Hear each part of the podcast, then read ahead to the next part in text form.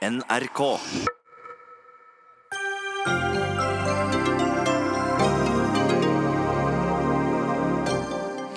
Donald Trump skal ha bare vært ti minutter unna å iverksette et amerikansk angrep på Iran, men snudde angivelig da han fikk høre at 150 ville miste livet. Hva er det som skjer mellom USA og Iran om dagen? TV-nettverket Discovery har gått i strupen på Norsk Tipping etter at sistnevnte hevdet det blir færre spilleavhengige med mindre TV-reklame. Regjeringen har konkludert i striden om hvorvidt verdiene i det velfylte opplysningsvesenets fond tilhører staten eller kirken, og mener det skal deles på begge. Men Human-Etisk Forbund vil heller at kommunene skal få innblikk i pengene. Og Bergen kommune har i ti år forsøkt å legge ned byens eneste strippeklubb, uten å lykkes. Det hele er et maktovergrep, ifølge innehaveren.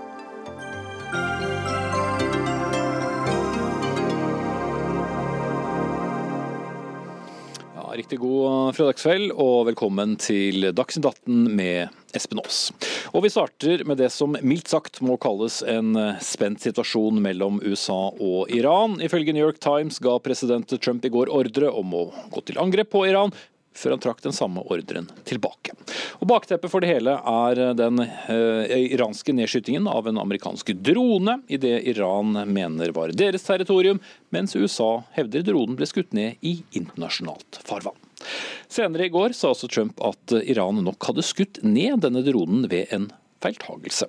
Og Anders Romarheim, du er leder for Senter for internasjonal sikkerhet ved Institutt for forsvarsstudier. Hvordan forstår du de siste dags hendelser og oppslaget i New York Times? Og vi får vel også ta med enda mer bakteppe her, for vi hadde jo også noen miner på noen tankskip i Omanbukta. Ja, det er en veldig alvorlig og bekymringsverdig situasjon i Gulfområdet nå.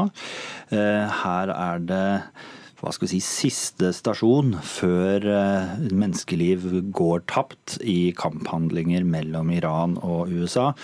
Når du skyter ned en drone eh, til opp mot 100 millioner dollar, så er det en ganske, ganske sterk transgresjon. Eh, men Trump har jo da i sin respons tillagt vekt at menneskeliv tross alt ikke går tapt, som er mer verdt enn det mest avanserte militære materiellet tross alt.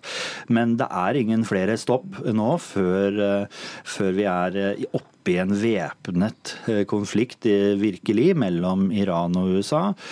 Og det at han avblåser en gjengjeldelsesaksjon mot tre utvalgte steder ti minutter før, som han sier, er jo også en måte for Trump å kommunisere at strikken er strekt helt til det lengste. Noe mer fra iransk side nå, så kommer responsen. For Det gikk jo litt alle veier, dette her. For det begynte med at han tvitret med mye utropstegn at her har Iran begått en stor feiltagelse når det gjaldt den nedskytingen. Så modererte han det og sa at her må noen ha gjort en feil. Og så kommer dette frem at det angivelig var rett før amerikanerne gikk til angrep. Ja, det, her er det så mye retorikk og uttalelser å sortere i at jeg ikke skal påstå at jeg ser hva skal vi si, klarer å skille all skit fra kanel i dette. Trump er av og til vinglete. Han kan snu fort. Det han sier i en setting kan veldig fort være snudd, og så er på en måte amerikansk offisiell politikk på området snudd. For det, det tilligger tross alt så mye makt i, i det embetet. Men man skal heller ikke helt utelukke at han ønska at dette skulle bli kjent, at han hadde snudd i siste liten. Samtidig er det òg viktig å påpeke at det han snakker om, altså en, en avmålt respons, measured response, det er jo klassisk amerikansk utenrikspolitikk.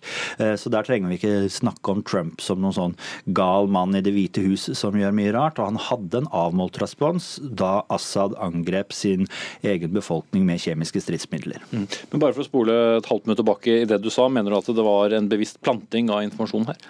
Jeg vil ikke utelukke det, men det er altfor tidlig til å konkludere. Jeg syns det kom veldig raskt ut i, i mediene i alle fall. Mm. Veronica Westrin, vår USA-korrespondent. Du befinner deg foran Det hvite hus. og Hva slags reaksjoner har kommet på Trumps ja, så vidt mange utspill rundt denne Iran-saken det siste halvannet døgnet? Vi våknet jo til denne nyheten om dette avbrutte angrepet i dag. Og spørsmålet her mange stiller seg nå, er jo hvordan Trump eh, ikke kunne vite at 150 menneskeliv kunne gå tapt før noen minutter før angrepet, slik han eh, gir uttrykk for eh, på Twitter. Og New York Times, som hadde denne historien, de var jo også tydelige på at ingen har forsøkt å stanse den. Situasjonen her i Det hvite hus er spent i dag, og mange frykter jo en ytterligere eskalering av denne situasjonen. Samtidig så la jo også Trump eh, ga uttrykk på Twitter for at han ikke hadde hastverk. Han sa 'I'm in no hurry'. Eh, så det er jo med på å betrygge folk litt her, når mange nå går med denne frykten. Hva da med den politiske opposisjonen eller demokratene? Hva, hva sier de til det som skjer?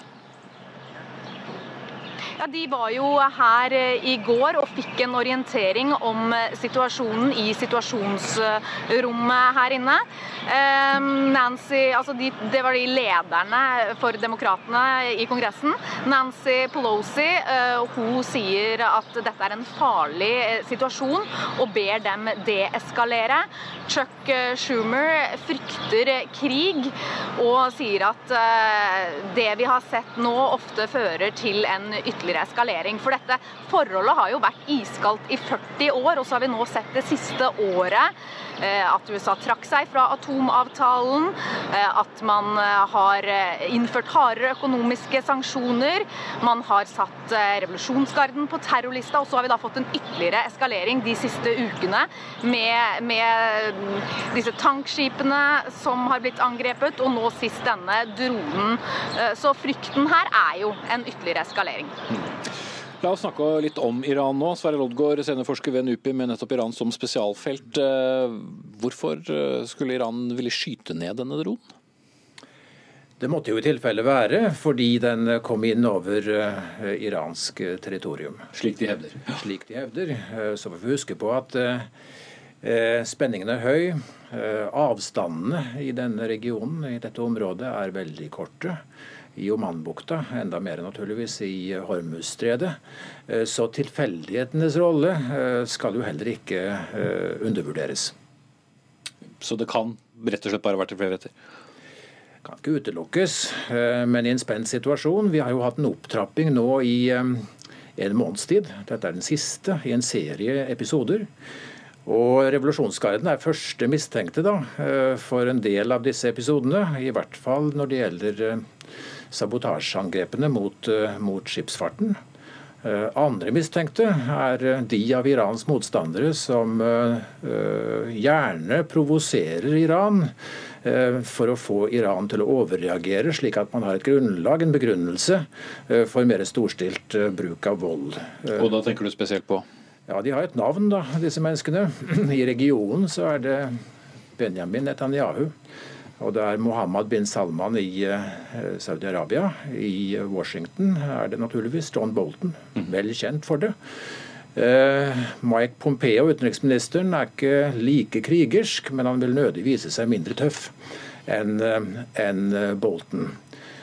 så må det straks tilføyes at topplederne, Trump og Rouhani, ønsker nok ingen krig. For Rouhanis vedkommende så er jo det åpenbart. Altså En krig med USA og Israel vil være en gedigen katastrofe for ham. Og Trump lovte i valgkampen ikke å trekke USA inn i en ny storkrig. Og det vil ikke være stemning, tror jeg, i USA heller eh, for, for det. Eh, så han slo altså kontra i siste øyeblikk. Dette er konteksten eh, for det som nå har skjedd, og det kommer antagelig mer.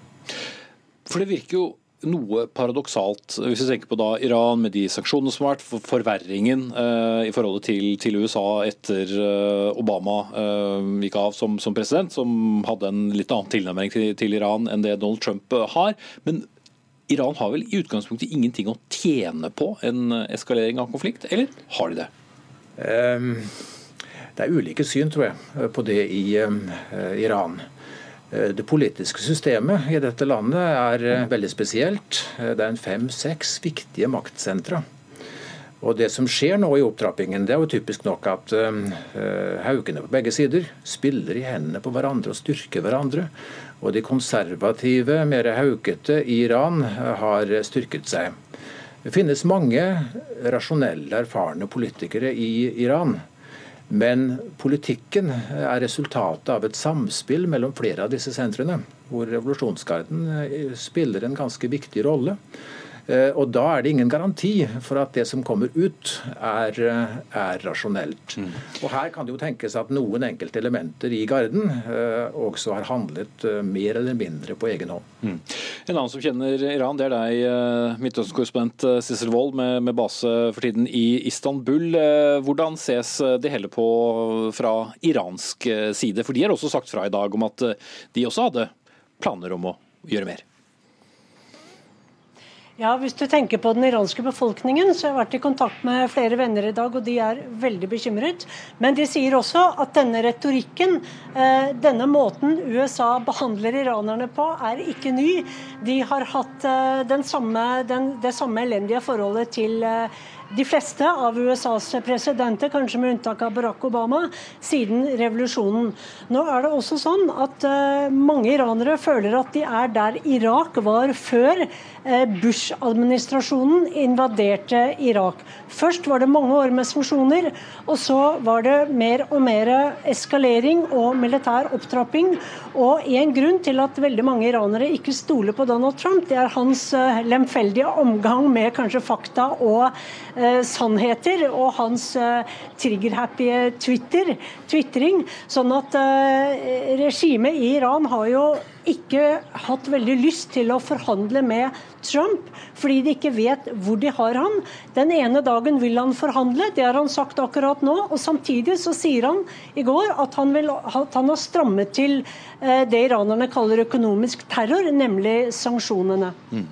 Eh, samtidig så har det da blitt vist frem eh, biter av denne dronen på iransk eh, fjernsyn i dag. Det er også blitt sagt fra myndighetshold om at de også kunne skutt ned et amerikansk fly, men de lot være å gjøre det. Hva slags signal er det de iranske myndighetene forsøker å sende ut? Det er jo at de ikke vil sitte stille hvis de presses inn i et hjørne. Og allerede nå så har de store problemer med økonomien. Eh, de eh, sier klart fra at det er USA som er på deres dørstokk. Eh, utenriksminister Javad Sharif sa nylig at det er ikke vi som er utenfor Florida-kysten.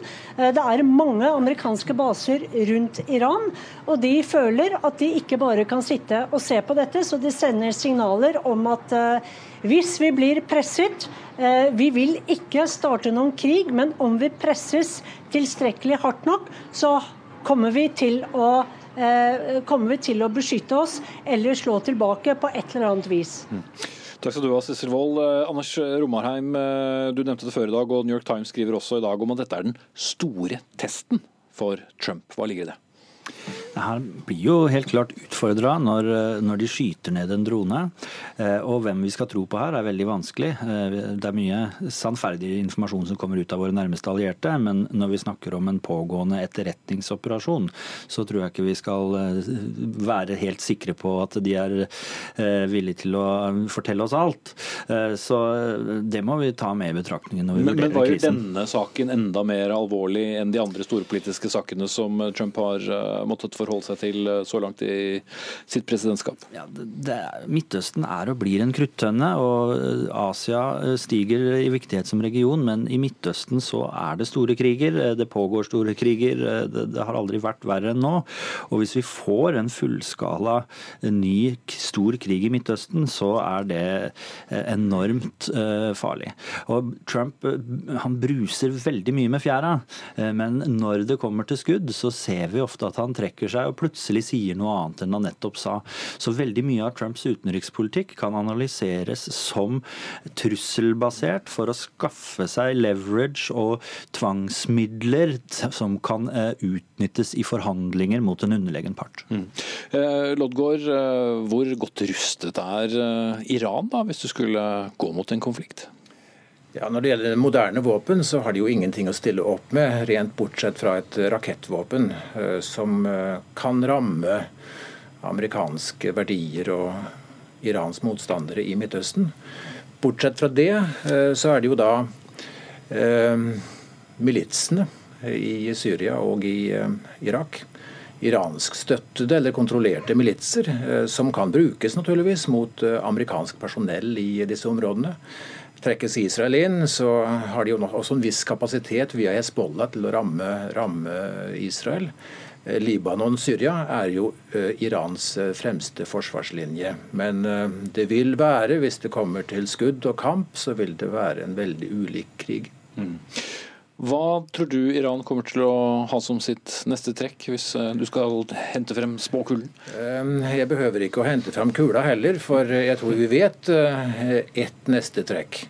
For Iran har sagt at hvis ikke de andre medlemmene av atomavtalen, i første rekke EU, kommer det med møte, de har ikke fått sanksjonslette, men nå er sanksjonene motsatt strengere enn noensinne, eh, så vil de produsere og lagre mer eh, uran enn avtalen tillater, og anrike opp til 20% og Da er det meste av arbeidet fram mot våpenmateriale eh, allerede gjort. Så det, det skaper en uro. Og jeg tror ikke at EU e greier å levere. Riktignok er det slik at EU vil ha diplomatiske løsninger. De har alltid vært forpliktet på det og jobber for det. Men de har måttet legge seg flate for eh, amerikanske sanksjoner, så de har ikke så mye å by på. Og Når en viss dato da inntreffer, eh, den er 7. juli, eh, så vil antagelig Iran iverksette disse tiltakene. Og da vil naturligvis Irans motstandere, USA, de som jeg nevnte, de vil vite å utnytte dette. Og Netanyahu har jo vært uh, ute på den banen for lengst. Mm. Ruth Romaheim, Romarheim, det vil jo igjen også måtte tvinge frem en ny respons, sannsynligvis fra amerikanerne? Ja, det vil nok eh, gå mot eh, en ytterligere forsterkning av flåtestyrkene som US Navy har i den persiske gulfen. Eh, og en oppbygning med kanskje en hangarskipgruppe til. Og da har du luftmakt, du har krysserraketter fra ulike fartøyer. Dette er en kruttønne, og nå er vi på en veldig farlig kurs inntil man finner måten til å deeskalere en krise. Og det er jo ikke lett når de diplomatiske forbindelsene forbindelsene er rundt frysepunktet. Det blir nok å følge med på. Takk skal dere ha begge to. Eh, Sverre Loddgaard, sendeforsker ved NUPI, og Anders Romarheim, leder for Senter for internasjonal sikkerhet ved IFS. Dagsnytt 18 alle hverdager kl 18.00 på NRK P2 og NRK2.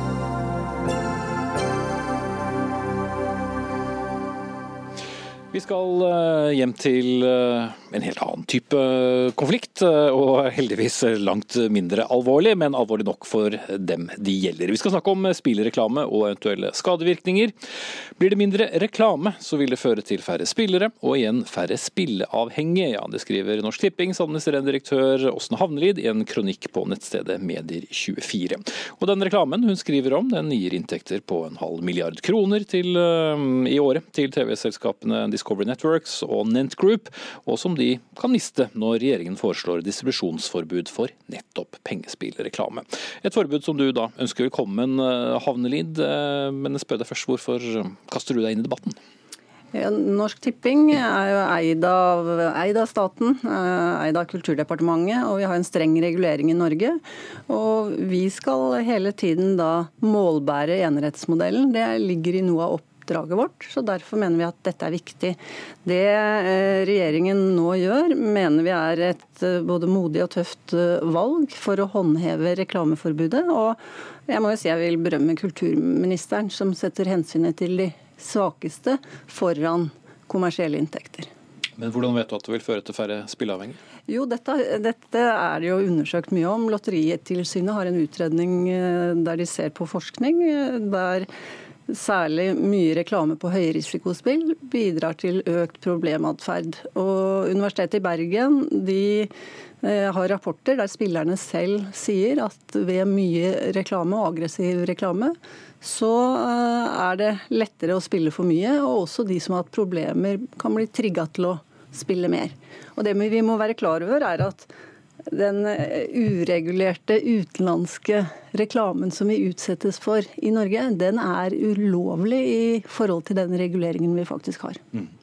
Men uh, alt det jeg ser om uh, hva jeg eventuelt kan vinne hvis jeg spiller lotto og gullotto og jeg vet ikke hva, er den helt ufarlig, den? da? Nei, men Det er viktig å, å, si også Norsk Tipping. Vi må også markedsføre våre produkter og spill. Men som du sier, vi vesentlig har reklame for lotterier som er eh, forholdsvis det vi kaller uskyldige spill. Det er mye vanskeligere å bli spillavhengig av det. Vi reklamerer ikke på TV for denne type spill som Discovery da får inntekter fra. Og da går jeg over til deg, Espen Skoland, kommunikasjonsdirektør i nettopp Discovery Networks. Det gikk jo ikke så lang tid da, før du kom på banen med et uh, svar på samme nettsted, for du mener at uh, Norsk Tipping her tåkelegger hele spillreklamedebatten. Hvordan da? Ja, altså, men Norsk Tipping kommer med påstander det ikke gir belegg for si. Og påstanden er hva? Eh, ja, Det skal jeg ta. Og, men det, det, er tre påstander. Først ta to av det som Havnli sier nå, at den reklamen du snakker om er uregulert og ulovlig. For det første, den reklamen er regulert i sendelandet, som er UK. Der er den ganske grundig regulert. Det er ikke ulovlig fordi at Norge er en del av EØS. Den reklamen som vi kan sende, sender vi for den er regulert gjennom EØS-rett. Så er jo det Havnli hevder i det innlegget som er opphav for denne debatten her, at Jeg skal bare stoppe deg bare for å forklare seerne mm, hvordan det fungerer, det som du sier. fordi at eh, Dere sender da eh, reklame fra eh, stasjoner i, i Storbritannia, eh, hvor det er lov å sende den reklamen, man, mens man ser den på TV i Norge. Men du kunne ikke sendt den samme reklamen fra lokalene deres i Norge. Og der må jeg også si Regjeringen er krystallklar på at dette skal... er ulovlig reklame. No, og, og, uh, så, så, det er på en måte hvordan det fungerer i praksis. Og så har regjeringen satt ned foten, og da står mange mange milliarder i spill for dere. Ja. Sånt, og, og, og, og, bare for å kommentere Hamle igjen, altså, Hvis det hadde vært ulovlig, så hadde jo ikke regjeringen gått for dette lovforslaget. Så Man prøver å gjøre dette ulovlig, det er poenget. Men det Hamle påstår at det vil bli færre uh, spillavhengige i Norge hvis man fjerner den reklamen. Men sannheten er at det fins ingen forskning som viser at akkurat dette. Også, det er gjort, Gjør det ikke? Den forskningen som Handeli viser til, den sier at reklame på TV bidrar til å bygge kjennskap til spill, markedsandeler for aktører. Men han sier ingenting om at det vil bidra til å skape færre spillavhengige. I 2007 eh, ble spilleautomatene i Norge fjerna. Eh, og da falt antallet spilleavhengige i Norge. Siden den tid er antallet vært helt stabilt fram til i dag. I samme periode så er altså eh, pengene brukt på denne type reklame gått ifra null til en halv milliard kroner. Universitetet i Bergen, som Havnli viser til, de sa at ja, det er de mest sårbare spillerne som blir påvirka av reklamen. Men de slo aldri fast at det ville være effektivt å fjerne den reklamen. Det de oppfordra til, var en debatt om konsekvensene av spillreklame på TV. Og så har Rambøll, bare siste poeng her nå, for Rambøll gjorde en lignende rapport, og de viste at TV-reklame er det tiltaket som minst påvirker risikospilling. Så det, det vi mener nå, det er at regjeringen foreslår tiltak som man faktisk ikke vet om virker man har ikke undersøkt hvilke konsekvenser dette vil ha for kulturnæringen. Og Det er derfor vi sitter her. For Vi er bekymra for kulturjobber, vi er bekymra for mediemangfold i Norge. Havnerid. men jeg syns jo det er ganske spesielt når skolene du kan TV, du kan reklame, og så sitter du og sier at reklame ikke virker, som dere da får store inntekter fra. Det Han sier vel at det virker, men, at ikke man blir spillavhengig. Ja, men, det, men, la meg få fortsette. For det eh, Tall fra Hjelpelinjen viser, og befolkningsundersøkelsen viser, som du sier, at ikke antall spillere har gått opp i Norge. Det har heller blitt færre spillere, men de spillerne som spiller, de spiller for mer penger og blir enda mer risikoutsatt for å bli spillavhengig. Og der, det er en økning på 20% hos Hjelpelinjen hos de som spiller hos de utenlandske spillselskapene, som, det er den reklamen vi snakker om her, eh, som får problemer med spill. Og særlig da det som dreier seg om nettkasino, som er hovedbiten av den reklamen som dere får inntekter fra. Norsk Tipping reklamerer ikke for denne type spill i det hele tatt på TV. Eh, og eh, Jeg skjønner at du vil verne om arbeidsplasser og disse tingene her, men dette er et mye viktigere verdivalg, eh, som kulturministeren sier også. Dette er hensynet til de mest sårbare, og derfor ønsker de nå en strengere, ytterligere strengere regulering. Jeg mener at forbudet finnes, men nå strammer de til sånn at de kan håndheve det på en bedre måte. Mm. Men, men til hovedpoenget der da, om hvorvidt man blir mer spillavhengig av reklame. Altså bestrider du det han legger frem som sin bevis? Ja, ut ifra de rapportene vi har, både fra forskningsmiljøer som vi jobber tett opp mot, det Lotteritilsynet sier, og det også spillerne selv sier, eh, så, er, så trigges de av den enorme trykket som reklamen har, eh, og, og spiller da mer. Og Jeg syns jo det er litt spesielt også når, eh, når Skolan og Discovery nå i 11. time sier at nå skal de bli mer ansvarlig i sin reklame og markedsføring, og selvregulere noe som er ulovlig det jo, er jo ingen tradisjon i Norge for at man har muligheten til det. Og Ingen er vel i tvil om at eh, dere begge ønsker at folk skal spille mer. Men eh, til det litt paradoksale poenget som Havneli dro frem eh, litt tidlig. Det må jo ha en effekt med all denne reklamen. Og det er jo til ditt beste, i hvert fall så lenge du får lov til å holde på med denne reklamen, at så mange som mulig for den saks skyld spiller. Ja, men Jeg er faktisk litt overrasket over at Hanneli sitter og sier at hun har belegg for å hevde det. hun hevder. For dette, det, det, finnes ingen forskning som viser at det blir færre spillavhengige i Norge av å fjerne TV-reklame. Men som, som, du sier, og du sier at, at reklameinfekt, det har det. Og den forskningen viser jo at eh, reklamen er med å bygge markedsandeler eh, for spillaktører og kjennskaper til spill. Men så sitter altså Hanneli her og sier, eh, og er veldig opptatt av ansvarlighet, og det er bra. Men altså det er en ny rapport som viser at Norsk Tipping bruker en 1,5 milliard kroner på markedsføring på spill. Hamneli sier at du ikke reklamerer for denne typen spill som vi reklamerer for på TV. Nei, men det gjør du på nett. Og her er litt av mitt poeng. Man tar, man tar nå et tiltak som man ikke vet konsekvensene av. Fjerner vi reklame på TV, så finnes det absolutt ingen garanti for at den reklamen ikke finnes på andre kanaler rundt forbi Norge. Så det man risikerer, er å sette i gang et tiltak. Man vet ikke hva effekt det er, man vet ikke hva effekt det er for kulturnæring, og man vet ikke de ringvirkningene. Man vet ikke hvor mye reklame som går på nett. Selv om det er ulovlig, så er det fullt mulig å gjøre nordmenn gjennom utenlandske nettsider. Med all respekt, for det første, den rapporten du viser til, eh, den har klare faktafeil. Vi bruker mellom 300 og 400 millioner i året, og ikke halvannen milliard som du henviser til. Det andre jeg syns er litt spesielt, er at uh, du gjør deg til nesten en viter over de som har spillproblematikk. Du jobber i mediebransjen. Du forsvarer nå at dere skal ha inntekter framover. Vi jobber tett opp mot forskningsmiljøer. Vi jobber tett opp i forebyggende eh, arbeid i å kunne ha spill i ansvarlige rammer. Følger opp uh, spillere som har problematferd.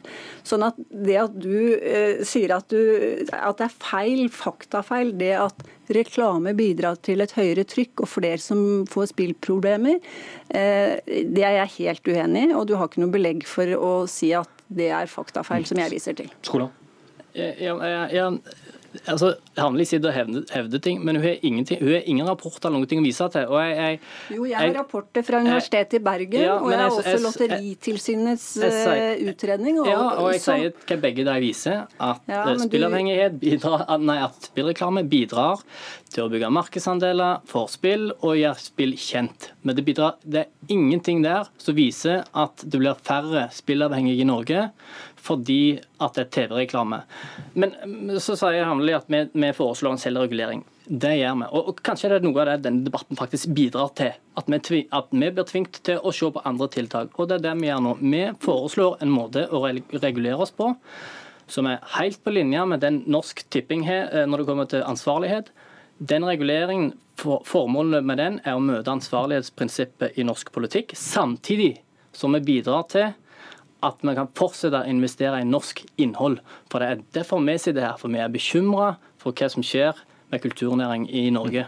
Kort, kort og slutt, handler. De ville jo aldri reklamert hvis det ikke var en virkning i dette. og Jeg skjønner jo at du sitter Nei, og dere. forsvarer Nei, og det er noe av oppdraget vårt eh, med den reguleringen vi har.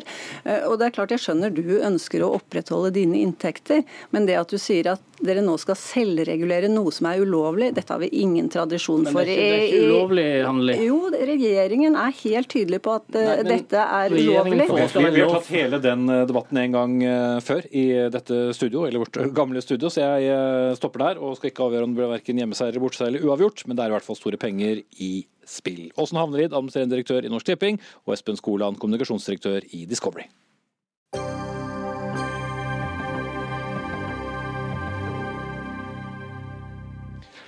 Litt senere i sendingen skal vi snakke om et eh, omstridt fond på mange, mange milliarder kroner. Opplysningsvesenets fond. Det har lenge vært en strid om det er kirken eller staten som skal rå over disse midlene. Regjeringen har konkludert i denne saken i dag, og vi skal snakke om det senere.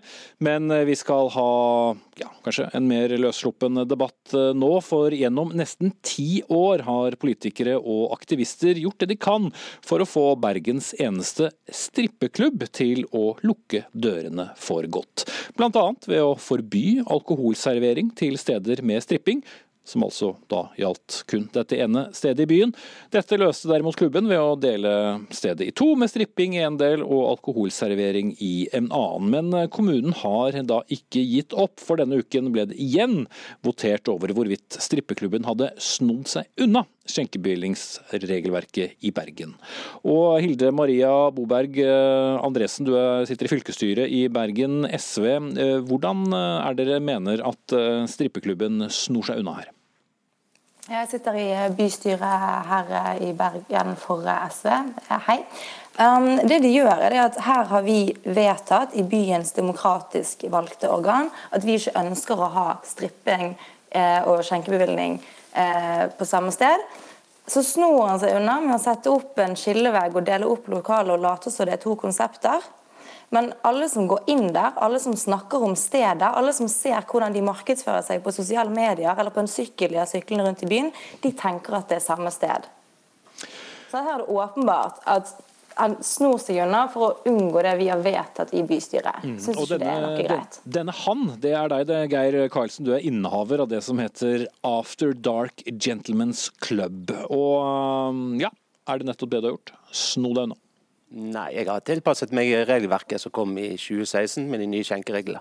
Og rent praktisk, hvordan tilpasset du deg de? Nei, vi fikk jo eh, Det kom jo inn dette regelendringen, eh, vedtektsendringen i 2016. og som det ble sagt her, så har vi eh, delt opp eh, lokalet i to. Vi har eh, to forskjellige selskaper, to forskjellige AS, to forskjellige kassepunkter etc. etc. Stedene eh, ligger vegg i vegg, men har likevel ikke noe med hverandre å gjøre. Eh, Regelendringen ble den slik at, at det det er ikke lov med striptease eller toppløs servering i skjenkelokalet. Eh, Den skjenkebevilgningen vi har, utfører vi ikke striptease eller toppløs servering. Men, men du har tøyd strikken så langt du kan? Jeg har tilpasset regelverket, ja. Ikke, Andresen, ikke, ikke omgått, men tilpasset. Andresen Den strikken er tøyd altfor langt. Det er bare tull å si at de stedene ikke har noe med hverandre å gjøre. Det er jo det samme inngang når du går inn nede. Det er de samme kundene. Når folk tenker på strippeklubben i Bergen, så tenker de på ett sted. Det er den det er samme kundegruppen. Altså sånn, det er det her er å tøye strikken altfor, altfor, altfor langt. Og da syns jeg det at Men da er jo også spørsmålet hvor langt, hvor langt skal politikerne gå for å utføre rett og slett maktovergrep? Jeg skal bare stille Andresen et spørsmål, så skal du slippe til, uh, Karlsen. Altså, det er jo da lov med stripping eller toppløs eh, servering eh, i Norge, og det er også lov med alkohol. Men hvorfor er det feil å blande dem? Hvorfor må de skilles ad, sånn som eh, dere har vedtatt i Bergen? Det som er problemet med oss, det, det er ikke det at liksom, stripping er et stort problem. Det er fordi at jeg syns ikke det er greit at en kommersiell aktør skal kunne tjene penger på en naken kvinnekropp. Skal kunne bruke kvinnekroppen for å gjøre seg mer attraktiv for å tjene penger. Det er ikke greit. Og så er det sånn at ja, dette er lov i Norge, men det er også lov at kommunen kan lage sine egne skjenkeregler. Det er lagt til bystyrene og kommunestyrene å gjøre. Dette er rett og slett Ja, maktovergrep fra politikernes side. Og det er- ha.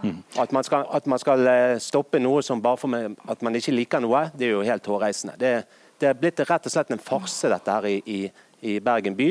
Og jeg vil bare si, skyte inn her at jeg synes det er veldig skuffende at ingen fra byrådet eller byrådspartiene tør eller vil stille opp i denne debatten. her. Mhm. Du har Eh, kalt det for et ja. maktovergrep, Carlsen, Karlsen, men eh, kommunen benytter seg jo av de måtene de kan eh, bruke regelverket på, på samme måte som du forsøker å, å tilpasse deg det samme regelverket. Ja, men nå var det gjerne de som begynte å tøye strikken, og de har også tøyd strikken og er i en gråsone med det de allerede har gjort. Og så er det også eh, tegn som sier det at de vil stramme ytterligere inn om et år når nye skjenkevedtekter for den nye fireårsperioden skal, skal ut. Eh, men de er også i en gråsone allerede når det gjelder, når det gjelder dette. Man må tenke på det at eh, all begrunnelse som er i skjenkevedtektene skal være eh, bundet i alkoholloven. Alkoholloven er veldig klar. Den skal begrense skadevirkningene av alkohol. Men, Eh, men bare for å spørre Og det- deg, og det- det- få og slippe til, våre Andresen. Bare vent, eh, bare vent Andresen. Eh, Geir Karlsen, eh, det er jo åpenbart at det er eh, da eh, mangelen på, på, på klær som er en del av problematikken her. Men hvorfor kan du ikke bare ha et eh, vanlig skjenkested? Og hvorfor må det være stripping og toppløsservering i 2019? Nei, Vi prøvde et vanlig skjenkested frem til eh, 2010. Eh, Det siste året to der viste veldig røde tall, så vi måtte gjøre om på konseptet vårt. Eh, eh, Vi måtte bare finne på noe helt nytt, gjerne ikke som alle andre konsepter. Og dermed fant løsningen på å ha en gentlemansklubb og striptease. Så, så, så vi har prøvd det. Vi har også, når vi drev utested før, så solgte vi opp i 80 000 liter øl i året på, på det gamle konseptet. Nå eh, serverer vi kanskje minimum 20 ganger mindre. Så hvordan dette kan forsvares alkoholpolitisk, er jo et veldig godt spørsmål. Så det har vært veldig interessant konsumet, i hvert fall. Men eh, Boberg eh, Andresen, men har det blitt en prinsippsak? Altså, han, ja, for Geir viser jo nettopp det som er poenget her. Konseptet deres funket ikke, så de bruker en naken kvinnekropp til å selge og tjene penger. Det er akkurat det jeg ikke syns er greit. og det er akkurat det vi prøver å forhindre å få i byen vår. Og Lovverket gjør det at vi som kommune kan sette opp egne regler. Og Jeg er nødt til å kommentere dette her med maktmisbruk. For det er noe av det som gjør meg skikkelig forbannet å høre på blir sagt. Det som er misbrukt av makt, det er når kvinnebevegelsen i årevis har fightet og fightet for å få gjennom saken sin, fått gjennomslag i partiene. Så har byens valgte demokratiske organ vedtatt noe. Og så kan en med penger og midler komme og sette opp en skillevegg og snu seg unna demokratiet. Alkoholloven Men åpner igjen- nettopp igjen så for at er vi jo- skal kunne men igjen så er jo dette- sette dette er lokale jo en føringer. gråsone Og så allerede sniker fra han seg. Frekk nok til å kalle det maktmisbruk. Men eh, bare for å stille det konkrete spørsmålet, adressen, er ikke egentlig problemet hva slags lovverk vi har i landet, og Det ikke er helt Karlsen? Nei, vet du hva? Jeg syns faktisk at lovverket er klart nok allerede sånn som det. Og Det er jo derfor vi hadde en diskusjon om dette sist bystyremøte. Nå har bystyret bestemt seg for det at kommuneadvokaten skal se på hva som er greien her. Men det vi vet, det som er klart i lovverket, det er at kommunen kan styre nesten som de vil sjøl med skjenken. Dette har en lignende sak i Sandnes bevist, hvor dommen viser at det går an å- forby skjenk på strippeklubber. Og jeg, vil, jeg må bare få lov å kommentere det. Det må være veldig kort, Når vi- den, når den, saken, den saken i Sandnes det gjaldt en helt ny bevilgning. Eh, Vi har en eksisterende bevilgning, det er to vidt forskjellige ting. Og to forskjellige kommuner. og to forskjellige kommuner. Ja, jeg må dessverre stoppe dere. Jeg tror ikke vi, eh, som vi har sagt så mange ganger i Dagsnytt 18, kommer til enighet her heller. Men takk skal du ha, Geir Karlsen, innehaver av After Dark Gentlemen's Club, Bergens eneste strippeklubb altså, og Hilde Maria Boberg Andresen, som sitter i Bergen bystyre for SV. Hør Dagsnytt 18 når du vil. Radio NRK Radio.nrk.no.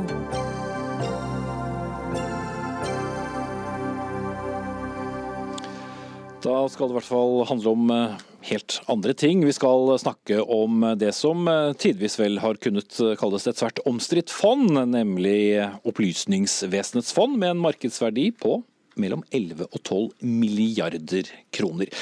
Det har en finanskapital på et par-tre milliarder, og har da store eiendommer som har igjen en stor markedsverdi. Her finner vi prestegårder, presteboliger, men også mye annet. Og hvem som skal forvalte disse, ikke forvalte, men som skal eie fondet og sånn sett bruke pengene, har vært en omstridt sak lenge. Og det har vært mange diskusjoner om hva pengene bør brukes til. F.eks. om man burde bruke dem for, for å imøtegå kirkeforfallet her i landet. Men etter alle disse debattene gjennom så mange år har nå regjeringen foreslått en løsning, nemlig å dele fondet i to mellom kirken og staten. Og Kjell Ingolf Ropstad, tros- og livssynsminister. Eh, det var på et tidspunkt snakk om å la kirken få alt sammen. Nå foreslår dere å splitte eiendomsretten til verdiene i fondet. Hvorfor var dette den beste løsningen? Nei, Vi har som du sier, vurdert alle løsninger. Både det at staten til alt, eller om kirka til alt. Eh, og Den eiendomsretten og spørsmålet om det har ridd eh, fondet i nesten 200 år. Men det vi altså lander på, er at verdiene i fondet de skal komme Den norske kirke til gode. Og Da mener vi at vi òg oppfyller grunnlovsparagrafen. og at dette fondet har jo vært til kirkelig formål, og faktisk ikke bare tilbake til til, 1821, da, men òg tilbake til middelalderen. Eh, så, så, det vi gjør, er å dele eiendeler. De eiendommene som kirka har et sterkt ønske om å ha, og som har noe betydning for det, type en sånn prestebolig f.eks. i nærheten. Geistlig tilknytning? Yes. Eh, de, de, de, skal kirka da ha, og der skal vi gå i dialog eh, om å finne ut hvilke bygg det er, og så noen midler til vedlikehold av dem. Og så dette andre, festetomter, som ikke nødvendigvis er det kjekkeste å være eier av, men òg en del andre eiendommer. Det, det, skal da tilfalle staten, og så skal verdien av det brukes til, som du sier, nettopp vedlikehold og sikre de kulturhistorisk viktige kirkene, som dessverre har forfalt i veldig mange kommuner. Så dette er en vinn-vinn-løsning, vil jeg si. Du sikrer både en avklaring av fondet, forvalter det inn i en ny tid, og så sikrer du kirkebyggene. Mm. Og la meg da spørre, for Det er ikke så lenge siden jeg hadde en veldig eh, stresset ordfører med i Dagsnytt 18 fordi eh, det var eh, tre forskjellige kirker i kommunen som alle skrek om vedlikehold og hun måtte gå løs på kommunale budsjetter hvis ikke de skulle forfalle. Er den slags problematikk nå mindre for de mange bekymrede ordførerne rundt i landet? Ja, det vil jeg si. og det, Du nevner en, en, eh, mulig verdi på 10-12 milliarder. Det er Hvis du får solgt fondet nå, så, så kan det være verdisetninga, men, men, det er ikke mulig å selge det heller. Så Hva summen er, det, det vet vi ikke helt 100% og det skal vi jobbe videre med. Men det, det er flere milliarder. Eh, og Det vil fortsatt være et kommunalt ansvar å vedlikeholde kirkene. Så den stressa ordføreren vil fremdeles måtte ta et ansvar, men nå kommer vi altså med flere milliarder for å bidra til å sikre de viktige kirkene som er en viktig del av kulturarven vår. Mm. Trond Enger, du er generalsekretær i Human-Etisk Forbund. Eh, har regjeringen her foreslått en god løsning? Altså, eh, Vi er positive til at de har begynt å rydde i dette, men vi eh, mener at dette fondet er det norske folk sitt fond. Dette er fellesskapets eh, verdier, og man underslår en viktig del av historien. Dette heter jo Opplysningsvesenets fond, og allerede i navnet her så burde man jo forstå at dette skal gå til noe større. Og I Grunnloven så står det jo også at dette skal gå til geistlighetens beste, det er riktig, men også opplysningens fremme. Og i, 140, og i 142 år helt fram til 1963 så gikk en tredjedel av dette fondet til Universitetet i Oslo. Eh, så vi mener det er en part som ikke har blitt hørt i dette, eh, og som også burde ivareta sine interesser. Og Det er den andre delen av denne grunnloven. Derfor så mener vi at det å gi bort nå så store deler av dette fondet til en privatisere det, gi det til Den norske kirke, er feil. Og at her må noen ivareta statens interesser. Eh, og kunne også bruke disse midlene til opplysningens fremme. Mm. Så du mener at akademiaen her da taper? Akademia taper, eh, og det norske folk taper. For man gir jo også bort store deler av fondet nå, eh, som er grunnlovfesta, eh, er statens eiendom. Mm, Men dette viser jo det interessante. For det første er jo at kirka og utdanning var så tett kobla. Det var jo kirka som egentlig var eh, sikra folkeskolen og, og, og, utdanning, konfirmasjonsundervisninga, og, og, sånn sett er jo sikra altså Universitetet i Oslo hadde jo sannsynligvis ikke vært her hvis ikke det hadde vært for, for kirka og disse, disse pengene.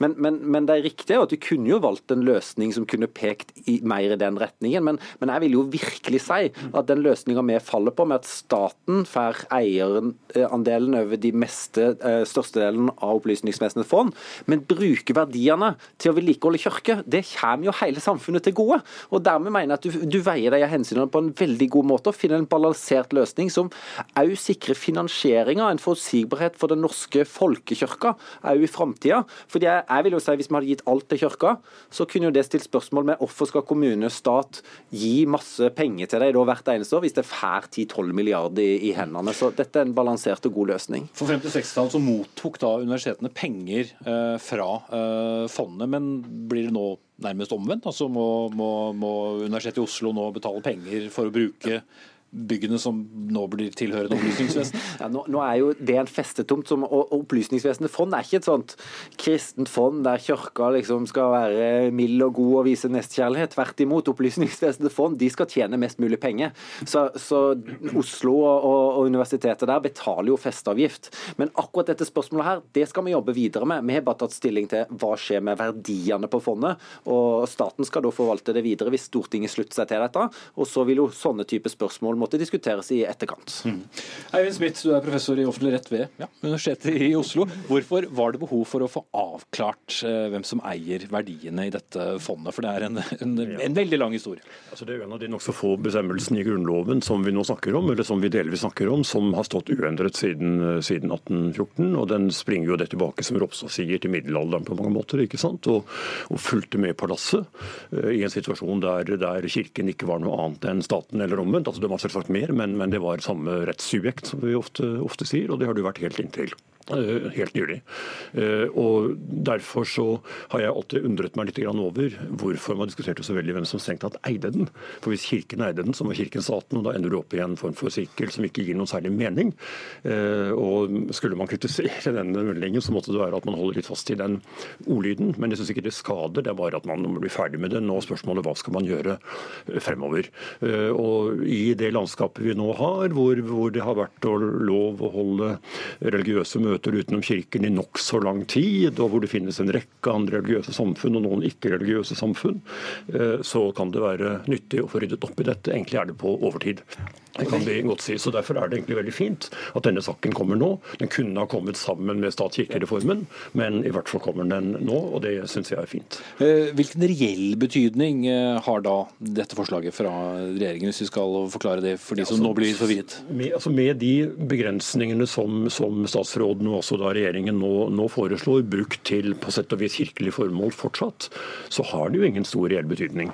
Uh, og Det er ikke noen kritikk av ordningen, det er en opprydning som sier at mesteparten av, av pengene eh, det skal ikke gis bort, ikke selges, men avkastningen skal brukes til mye av det man i dag bruker pengene til. Og så beholder Kirken noen smuler i sett og vis i den store verdisammenheng. Og det er til og med litt forgiftede gaver, fordi de er dyre å, å holde, så staten må antagelig støtte opp også, også, der. Og så vil jeg tro eh, at eh, det, det grepet som handler om at det flere steder understrekes at når Kirken nå får dels noen egne eiendommer, og dels altså at staten tar pengene, men skal bruke dem til å bevare verdifulle kirker og, slikt, så må Kirken eventuelt finne seg i å få litt mindre offentlig støtte. Så da har man på en måte tatt mye av brodden ut av den debatten som foregikk meg før denne meldingen nå kom, der noen ville si at Kirken kan ikke få alene, det må alle få. ikke sant, og sånt. Så for meg står dette, selv om det ikke er en juridisk bedømmelse, som en ganske fredsskapende løsning. Mm. Og, og, Trond Enger, det vil jeg vel regne med nesten at du også synes eh, er bra. og Hvis Universitetet i Oslo skulle overtatt noen av disse eiendommene, så ville jo heller ikke da Kirken eh, kommet så eh, godt ut av det. Og den offentlige støtten til kirkebygg ville kanskje måttet være større i framtida. Man tildekker litt hvordan disse pengene går, og det syns jeg er uheldig. Nå er det sånn at det er penger som går fra Kunnskapsdepartementet til Universitetet i Oslo til kunnskapsformål brukes til å betale leie til Opplysningsvesenets fond, som igjen da nå pålegges å brukes til kirkebygg. Så dermed så blir det sånne penger som går rundt i departementene. Veldig mange kommuner, 50 ordførere, hadde et opprop imot Opplysningsvesenets fond. De sa sitat, 'sugde penger ut av distriktskommunene'. Det er disse pengene som nå skal øremerkes inn mot kirkebygg gjennom Opplysningsvesenets fond. Kunne vi ikke rydda opp ordentlig, fått dette helt avklart, gitt kommunene råderett over egen sentrum, sånn som de krever, gitt universitetet sine her innenfor denne opplysningens fremme. Man gir til Kirken, til geistlighetens beste. Da kunne man også gitt til opplysningen, opplysningens fremme. Men, men her er det viktig å rydde litt, fordi det er interessante spørsmål som reises. Men det er det som skal være trinn to. Nå skal vi avklare hva verdiene i fondet skal brukes til. Fordelinga, at staten skal overta den biten som, som Human-Etisk Forbund snakker om. Og så skal en finne ut hvordan skal vi forvalte dette fondet. Skal det forvaltes som oljefondet? Må la det stå og ta en avkastning hvert år som gjenger til vedlikehold? Eller i teorien selge deler av det, og så bruke det kontinuerlig? Dette, dette vil bli diskusjonen videre. Så Det viktige som jeg har sagt i dag, som jeg håper Stortinget i størst mulig grad slutter seg til, det er at verdiene skal komme kirkebyggene til gode. Vi skal sikre de kulturhistorisk viktige kirkene, og det vil komme alle lokalsamfunnene, som dessverre har litt for mange kirker som har forfalt mye. Mm. Smith? Jeg har bare lyst til å skyte inn, og det er ikke til forsvar for noen, men, men, men for det klarer du selv. Men, men altså det er meget vanlig i staten, i offentlig sektor, at man betaler til hverandre. Så det vil ikke være noe spesielt hvis man ender opp med det der. sånn. Om det er lurt eller ikke, det er en helt annen diskusjon. Men noe spesielt vil ikke det være. Og, og Trond Enger, altså, som vi var inne på, det er mange trossamfunn og de som, som, ikke tror, men med den 200 år og kanskje enda lenger historien, så er det vel ikke så urimelig heller at de som har vært en del av fondet, også kommer best ut av det. Men jeg og alle andre i Norge har jo også vært en del av det fondet og bygd opp det fondet. Det er jo en kulturarv vi forvalter i sammen her. Og det er det som er rart at man ikke aksepterer å gi det bort til en nå et livssyn som ikke lenger er en statskirke. Vi har skilt stat og kirke i Norge, men man fortsetter da å gi bort fellesskapets verdier til ett trossamfunn. Da kritiserer du jo egentlig at det offentlige skal vedlikeholde kirkene. Fordi det er jo den kulturhistoriske viktige arven, betydninga for lokalsamfunnet kommunene, som vi nå finansierer med de verdiene som ligger i fondet. Så I så fall så er de ikke jo uenig i at det offentlige skal ta vare på kirkebyggene, og det syns jeg jo er, ja, det er sterkt uenig i. Human-Etisk Forbund støtter at vi skal ivareta eh, kirkebygg i Norge, og det kan vi gjøre over statsbudsjettet gjennom å bevilge penger til det. Helt åpent og synlig, ikke skape eller konstruere denne rare konstruksjonen her, hvor man tildekker litt hvor pengene går. En uh, rundt 200, eller kanskje enda lenger historie, har i hvert fall fått uh et slags eh, forslag til sluttkapittel. Takk skal dere ha. Kjell Ingolf Ropstad, tros- og livssynsminister fra Kristelig Folkeparti. Trond Enger, generalsekretær i Human-Etisk Forbund. Og Eivind Smith, professor i offentlig rett ved Universitetet i Oslo.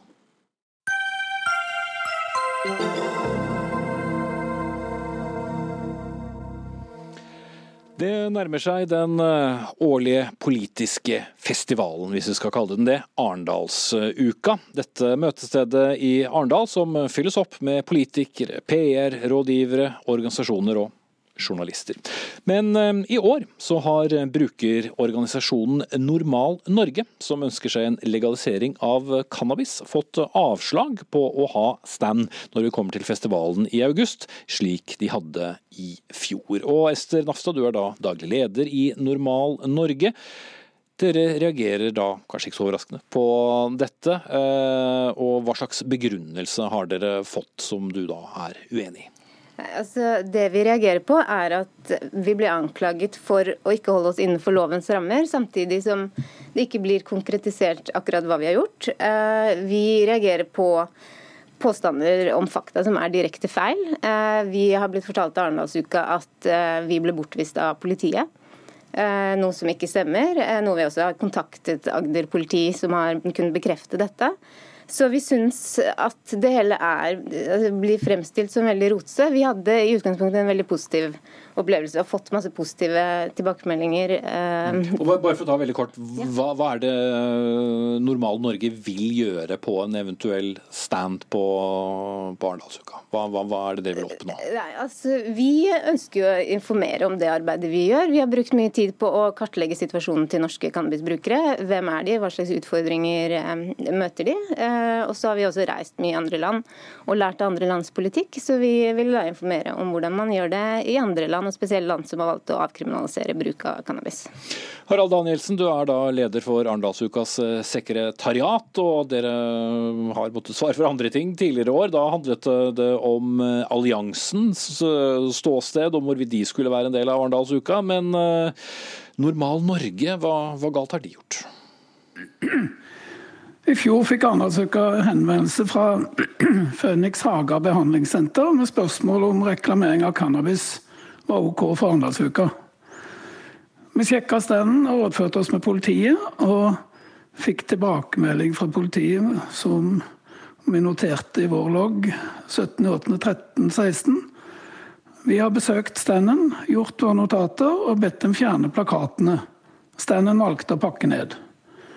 Og de plakatene som vi da, og med støtte fra politiet, mener oppfordrer til bruk av ulovlige rusmidler, der står det på den ene normal, for fornuftig regulering av cannabis, bli medlem. Mm.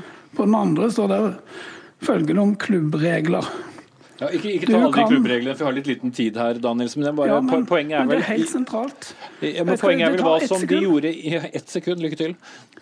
Du kan kjøpe opp til fem gram cannabis, låne vår vannpipe, røyke en joint, spise spacekaker eller andre spisbare cannabisprodukter fra vår butikk osv.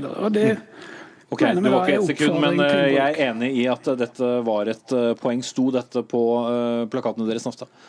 Det sto på plakaten, og vi man, man, må se det hele i større sammenheng. Vi holdt først et foredrag om eh, noe som heter Cannabis Social Clubs. Vi valgte å fokusere på dette, for det har man eh, i flere land som har avkriminalisering av rusmidler. Nå går Norge mot en avkriminaliseringsreform. Vi informerte om regelverk eh, ja, men Er du enig i at dere brøt reglene med det som står på plakaten? Eller loven? Nei, egentlig ikke. Altså, vi informerte om hvordan disse klubbene drives. Vi solgte jo selvfølgelig ikke cannabis. Vi informerte om regelverket rundt disse klubbene i andre europeiske land. og Da er det f.eks. en maksgrense for hvor mye man kan kjøpe. Det er regelverk for medlemskap. Så det vi gjorde, vi informerte om hvordan disse klubbene drives i land i Europa. Men så sa politiet sitt. Så ville dere gjort det samme hvis dere hadde fått stå på stand i år? Nei, Da ville vi jo kanskje valgt et annet konsept. Vi rakk jo ikke å tenke så mye over det, men det var relevant i fjor, for da hadde man akkurat eh, det har akkurat blitt enighet om en avkriminaliseringsreform i Norge. Så Danielsen, hvorfor tror du at eh, de ville gjort det samme i år? For det må vel være grunnen til at dere ikke ønsket det? Den, henvendelsen vi fikk, ga oss grunnlag for å uh, legge til grunn at det var samme opplegg som i fjor. Og på det grunnlaget sa vi nei. Så dere hadde grunn til å tro at det var det samme? Vi hadde iallfall ikke fått noen antydning om noe annet. Mm. Nafstad, hva har du sagt? Ja, aller først vil jeg jo påpeke at det, det er jo selvfølgelig ulovlig å, å, omsette cannabis i Norge, og det gjør vi ikke. Men det er ikke ulovlig å snakke om noe som er ulovlig, og komme med forslag til alternative måter å løse et problem på. Og når dere i utgangspunktet vil invitere svært innvandringskritiske organisasjoner til årets stand, så vil kanskje noen tenke at uh, Normal Norge også ville hatt en plass. Danielsen? Jeg skjønte ikke helt resonnementet, men ut fra de klubbreglene som ble som dominerte og på, var på standen i fjor, om, uh, hvor det står presisert at du kan kjøpe cannabis og andre produkter, så er det vanskelig for oss å forstå det annerledes enn at det er en oppfordring til omsetning som skal, er ulovlig. Hva må i så fall normal Norge gjøre for å få innpass da til Arendalsuka? For det er kanskje ikke et livstidsforbud det er snakk om? Nei, det kan jo endre sin tilnærming på standen. Og de kan, som i fjor, arrangere holde foredrag og debatter. Det er de velkommen til. Eh, det er helt riktig som det ble sagt, at foredraget på biblioteket som de hadde, sammen med Foreningen tryggere ruspolitikk, bl.a., eh, hadde vi ingenting å utsette på. Men de som går i gatene og ser en stand med oppfordring til å bli medlem av en organisasjon hvor de kan kjøpe cannabis, eh, det kan vi ikke ha. Ja, nå er jo vi heller ikke en organisasjon hvor man kan kjøpe cannabis, og det syns jeg er viktig å presisere. Vi er også mange som ikke bruker cannabis selv, eh, men vi er opptatt av eh, å tale cannabisbrukernes sak og snakke om deres utfordringer. og Det mener jeg at vi har lov til å gjøre. Nå er det eh, litt tid igjen til Arendalsuka starter. Veldig kort til slutt, Ester Nafstad. Kommer dere til å, å duke opp der, om enn uten stand? Ja, vi kommer til å dukke opp der. Vi har blitt kontaktet av private som har tilbudt oss eh, sine kafeer og lokaler og ha eh, arrangementer der. Så vi kommer til å være til stede og ha arrangementer som ikke er direkte knyttet til Arendalsuka, men vi kommer til å være der. Så det ble en slags variant av Leif Justers mot normalt her. Arendalsuka mot eh, normal stand. Eh, takk til Harald Danielsen, leder for eh, Arendalsukas sekretariat, og Ester Nafstad, daglig leder for Normal Norge, som altså er norsk organisasjon for reform av marihuanalovgivningen i all sin lange form. Dagsnytt 18 er eh, over for denne gang og denne uken. Vi er tilbake igjen på mandag, samme tid, samme sted som vi pleier å si. Ansvarlig for dagens sending, det var Fredrik Lauritzen. Lisbeth Sellereite tok seg av det tekniske. Jeg heter Espen Aas. God helg. Música